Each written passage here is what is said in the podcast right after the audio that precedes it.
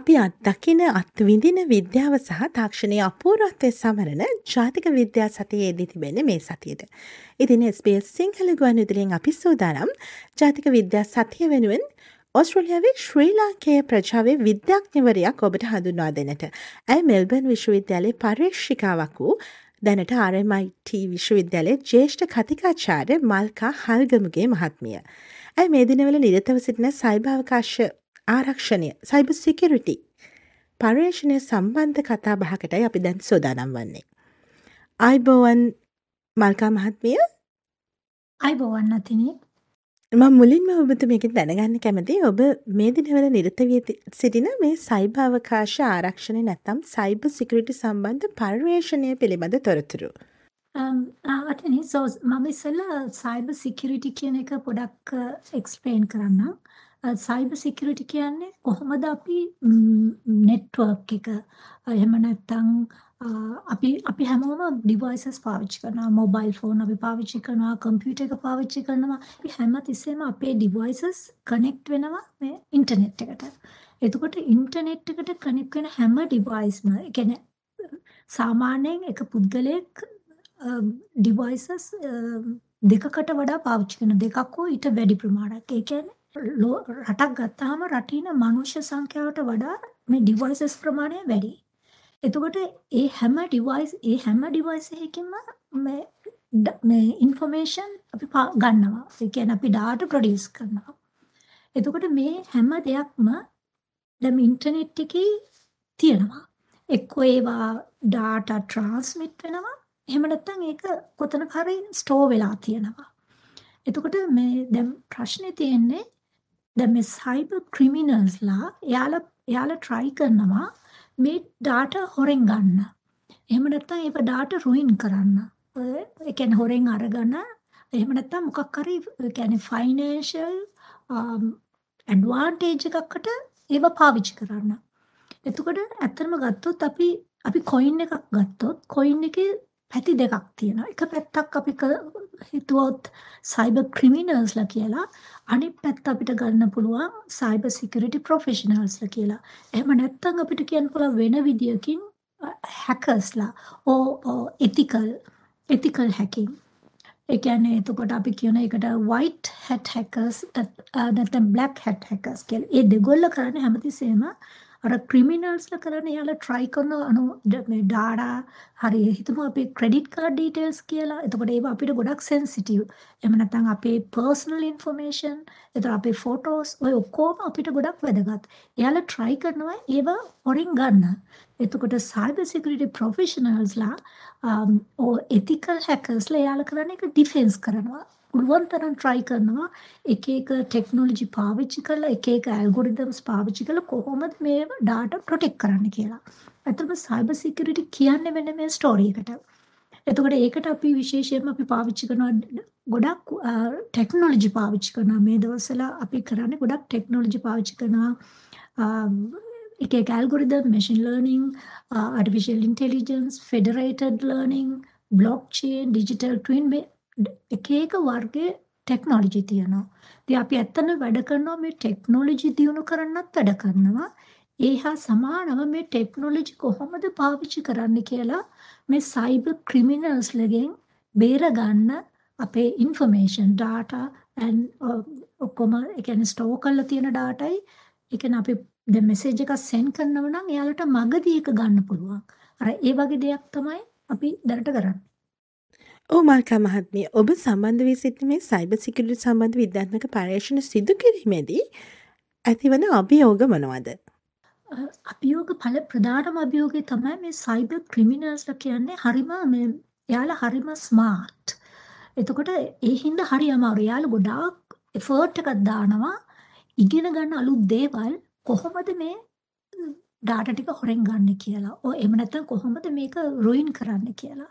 ඒතකොට ඒක තමයි තියෙන ගොඩක් ඒක එක ලොකු තියෙන ලොකු අභියෝගයක්. එතකොට සයිබර් සිකියුරිටි ප්‍රොෆෙෂනල්ලා ගොඩක් ඒ කියන්නේ කන්ට්‍රිබියුට් කරන ගොඩක් දේවල් ඉගෙන ගන්නවා. එතකොට අපි අපි ඒ කියන්නේ අපි රිසර්ච් කරනකොටත් අපි ගොඩක් අලුතෙන් දේවල් ඉගෙන ගන්න ඕන කොහොමද අපි මේ ඩිෆෙන්සිව් එක කොහොමද එෆිෂන්ට්ලි අරන් යන්නේ කියලා. දැන් විශේෂයෙන්ම ගත්තොත් මම කියන්නම් කීපයක් කියන්නම් මොනවද අපිට තියෙන විශේෂම challenges වගේට ගත්තොත් කියන්නේ internet of things කියන එක ගත්තොත් ඒ කියන්නේ හැම device එකක්ම connect වෙලා තියෙන each other ඊළඟට ඒ හැම device එකකටම IP address එකක් තියෙනවා. ඒකෙන් තමයි device එක අපි locate කරන්නේ. එතකොට අපි උදාහරණ විදිහට ගත්තොත් smart home, smart cities, අපි agriculture වල ගත්තොත් smart farming, එතකොට auto driving cars මේ හැම එකක්ම කියන්නේ මේ IoT concept එක යටතේ තමයි යන්නේ. ඒ කියන්නේ ගොඩාක් devices තියෙනවා. කියන්නේ 2020 වෙනකොට 8 බිලියන් devices තියෙන සිස්ටම් එකේ. ඉතින් ඒ වගේ එතන මේ IoT මේ පුංචි device වල computation power එක නෑ මදි යාළගේ. memory එක අඩුයි. එතකොට storage capacity එක අඩුයි. එතකොට ඒ හින්දා අර security attacks වලට මේ යාළ ගොඩක් මේ vulnerable වෙනවා. දැන් ඒක ඒක ලොකු ප්‍රශ්නයක් in IoT කියන්නේ IoT ගත්තොත් internet of things කියන එක ගත්තොත් මේක හැම තැනම පාවිච්චි වෙන දෙයක්. අද ලෝකේ ගත්තාම ඒතර මොකද සිකියර් ඒකේ අර මේ පවර්ෆුල් මදි හින්දා පුංචි ඩිවයිසස් එතකොට ඒක සයිබර් ක්‍රිමිනල්ස් එක පාවිච්චි කරනවා. ඒක දැනගෙන යාලට ඒවට ඇටැක් කරගන්න ලේසි. එතකොට ඒ වගේ වැඩ කරනවා. ඊළඟට තව ඒ දැන් ඒ ඒක හින්දාම IoT හින්දාම දැන් ගොඩක් ගත්තොත් අපි ගොඩාක් ඉන්ටර්නෙට් පාවිච්චි කරනවා. ඒත් Facebook බලනවා, මැසේජස් යවනවා. එතකොට ගත්තොත් විනාඩියක් ගත්තොත් ඒ කියන්නේ roughly යනවා 69 million messages යවනවා. එතකොට Facebook calls යනවා 1.5 million per minute. per minute ගොඩාක් data generate වෙනවා. එතකොට මේක හරි අමාරු කියන්නේ massive amount of data එනවා system එකට තියෙනවා. එතකොට මේක හරි අමාරුයි process කරන්න. මේක practically හරි අමාරුයි cyber security professionals මොකද එන්න එන්න data ප්‍රමාණය වැඩි වෙන නිසා. එතකොට ඒකත් ඇත්තටම ලොකු චැලෙන්ජ් එකක් තියෙනවා. ඊළඟට ගත්තොත් ඉන්ටර්නෙට් ඉන්ෆ්‍රාස්ට්‍රක්චර් සිකියුරිටි ගත්තොත් ඒ කියන්නේ සයිබර් ඒ කියන්නේ සයිබර් ක්‍රයිම්ස් යනවා ඒ කියන්නේ අවුරුද්දකට 10.5 ට්‍රිලියන් ඩොලර්ස් එච්චර වියදම් කරනවා මේ සයිබර් ක්‍රයිම් කොස්ට් හින්දා. ඒතර මේක රටකට විතරක්ම නෙමෙයි මුළු ලෝකෙටම ප්‍රශ්නයක් වෙලා තියෙන්නේ. මොකද සයිබර් සිකියුරිටි සයිබර් ක්‍රිමිනල්ස් එයාලා ඇත්තටම try කරනවා psychologically අපිව manipulate කරන්න. අපි ඒකට කියන social engineering කියලා. ඒ කියන්නේ එයාලා try කරනවා අපි ලවාම ඒ කියන්නේ වෛරස් එක අපේ කම්පියුටරේට ඩවුන්ලෝඩ් කරවන්න. කියන්නේ යාළ ලින්ක් එකක් කියනවා මෙන්න ඔයාට මේ 10% or maybe 50% ඩිස්කවුන්ට් එකක් ඇවිල්ලා තියෙනවා මේ මේ ලින්ක් මේක ක්ලික් කරන්න කියලා. ඒතර ක්ලික් කරනකොට අපි ඇත්තටම අපි හිතන මේ ඩිස්කවුන්ට් එකයි අපිට ලැබෙන්නේ කියලා. ඇත්තටම සයිබර් ක්‍රිමිනල්ස් කරන්නේ ඒකෙන් වෛරස් එක අපේ කම්පියුටරේට අපි අපි ඩවුන්ලෝඩ් කරන්නේ. ඉතින් මේකයි අපි ඒක ඒකට කියන අපි සයිකොලොජිකලි අපව මැනිපියුලේට් කරනවා කියලා. ඉතින් ඒ වගේ ගොඩක් ස්මාර්ට් ද ක්‍රිමිනල්ස්ලා හරිම ස්මාර්ට්. දැන් යාලා දැන් අපි නොලෙජ් එක ටෙක්නොලොජි පැත්තේ නොලෙජ් එක නැති බව දැන දැන යාලා ගොඩක් දේවල් කරනවා. ඊළඟට තව එකක් ගත්තාම ක්‍රිටිකල් ඉන්ෆ්‍රාස්ට්‍රක්චර් ප්‍රොටෙක්ෂන් කියලා ඒ ඒ පොයින්ට් එක ගත්තොත් ඒ කියන්නේ හිතමු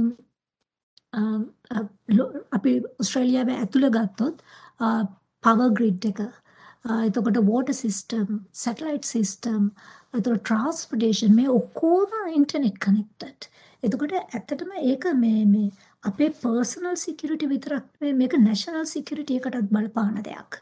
එතකොට ඒ හින්දා අර අපි අපිට ගොඩාක් කන්ට්‍රිබියුට් කරන්න පුළුවන් මේ මේ පැතිවලට කොහොමද මේ සයිබර් සිකියුරිටි ප්‍රොෆෙෂනල්ස් මොන වගේ ටෙක්නොලොජිද පාවිච්චි කරන්න ඕන මොන වගේ ඇල්ගොරිදම්ද පාවිච්චි කරන්න ඕන කියන එක. දැන් ඒ වගේ දේවල් එතනම ගොඩක් තියෙනවා ඊළඟට සප්ලයි චේන් එක ගත්තොත් ඒ සප්ලයි චේන් සිකියුරිටි එකට දර මොබයිල් ෆෝන් ටෙක්නොලොජි මේ හැම දෙයකටම ලොකු චැලෙන්ජ් එකක් වෙලා තියෙනවා මේ සයිබර් ක්‍රිමිනල්ස්ලා. මොකද එයාලා ගොඩක් ස්මාර්ට් සහ එයාලා ලොකු එෆර්ට් එකක් දානවා කොහොම හරි කියන්නේ මේක ඇත්තටම වෝ එකක් between සයිබර් ක්‍රිමිනල්ස්ලගේ සයිබර් සිකියුරිටි ප්‍රොෆෙෂනල්ස්ලගේ ප්‍රොෆෙෂනල්ස්ලා ස්මාර්ට් වෙලා ස්මාර්ට් වෙවි යන්න යන්නම අරයලත් ඊට පැරලල් ස්මාර්ට් වෙනවා. ඒතර මේක අර between ඒ කියන්නේ ඒ කියන්නේ ඩිෆෙන්සිව් එකයි ක්‍රිමිනල්ස්ලගේ අතර is kind of war එකක් තමයි මේ යන්නේ. එතකොට අපි රිසර්චර්ස්ලා විදියට අපි කරන්නේ පුළුවන් තරම් මේ uh, සයිබර් සිකියුරිටි uh, වැඩි කරන්න ගොඩක් අලුතෙන් දේවල් හොයා ගන්න ඕන අපි. එතකොට අලුතෙන් පරීක්ෂණ කරනවා. මේ කොහොමද මේක පුළුවන් තරම් මේ මේ මේ ප්‍රශ්නේ විසඳ ගන්න කියලා සයිබර් ක්‍රිමිනල්ස්ලගෙන් බේර ගන්න කියලා දැන් කොහොමද මොනවාද ඩිෆෙන්සිව් මෙකැනිසම් අපි අලුතෙන් හොයා ගන්න ඕන කියන එක පිළිබඳව අපි ගොඩක් පරීක්ෂණ කරනවා. ඔව්. ඔබ සම්බන්ධ වෙලා සිටින මේ සයිබර් සිකියුරිටි සම්බන්ධ පර්යේෂණ කටයුතු වල තිබෙන වැදගත්කම කුමක්ද? දැන් මම මුලින් කිව්වා වගේ ඒක අපේ පර්සනල් සිකියුරිටි එකට ගොඩාක් වැදගත්. මොකද අපි කැමති නෑ අපේ ක්‍රෙඩිට් කාඩ් ඩීටේල්ස් කවුරුත් හොර පාවිච්චි කරනවට. එතකොට ඒ වගේම අපේ සිකියුරිටි වගේම නැෂනල් සිකියුරිටි මං කිව්වා ක්‍රිටිකල් ඉන්ෆ්‍රාස්ට්‍රක්චර් අපි ඒක හිතමු මේ රටේ ඔක්කොම එකපාරට ලයිට් ද පවර් එක නැති වෙලා ගියොත්. මොකද පවර් එක වැඩ කරන්නේත් ඔක්කොම මේ through ඉන්ටර්නෙට් එක හරහා. එතකොට ඒක නැෂනල් සිකියුරිටි එකට බලපානවා. ඩිෆෙන්ස් එක මේ හැම දෙයකටම ඊළඟට අපි ඒව ගත්තොත් ලොකු ලේයකින් එහෙම නැත්නම් ඇප්ලිකේෂන් එක ගත්තොත් ස්මාර්ට් සිටි ස්මාර්ට් හෝම් අපි ඔක්කොම හරි කැමති ඔක්කොම දේවල් ඔටෝ වෙනවට. එතකොට ඒව පැත්තෙන් ගත්තොත් පර්සනල් පැත්තෙන් ගත්තොත් ඊළඟට ඇග්‍රිකල්චර් ඉන්ඩස්ට්‍රි එකට. ඒතර මේ IoT ස්මාර්ට් ෆාමින් වගේ ඒවා. එතකොට හෙල්ත් කෙයාර් ඉන්ඩස්ට්‍රි ගොඩාක් හැම එකක්ම මේ පාවිච්චි කරනවා ඉන්ටර්නෙට් ඊළඟට ට්‍රාන්ස්පෝර්ටේෂන් වගේ හැම දෙයකටම මේකේ ගොඩාක් බෙනිෆිට් එකක් තියෙනවා. කියන්නේ පර්සනල් සිකියුරිටි වගේම රටේ සිකියුරිටි එක සහ මුළු ලෝකෙම සිකියුරිටි එක සම්බන්ධයෙන්. ඔව් ජාතික විද්‍යා සතිය වෙනුවෙන් ඕස්ට්‍රේලියාවේ ශ්‍රී ලංකේ ප්‍රජාවේ විද්‍යාඥවරියක් වන ආචාර්ය මල්කා හාල්ගමුගේ මහත්මිය සමග අපි සාකච්ඡා කරමින් සිටියේ. අයි මේ දිනවල නිරතව සිටින සයිබ අවකාශ ආරක්ෂණය නැතම් සයිබ සිකියුරිටි සම්බන්ධ පර්යේෂණවල වැදගත්කම පිළිබඳ තොරතුරුයි අපි සාකච්ඡා කරමින් සිටියේ. ඉතින් මෙල්බර්න් සිට අප සමග සම්බන්ධ වුණු ආචාර්ය මල්කා හල්ගමුගේ මහත්මියට බෙහෙවින්ම ස්තුතිවන්ත වෙනවා SBS සිංහල ගුවන්විදුලිය සමග සම්බන්ධ වීම ගැන. ස්තුතියි අතිනි.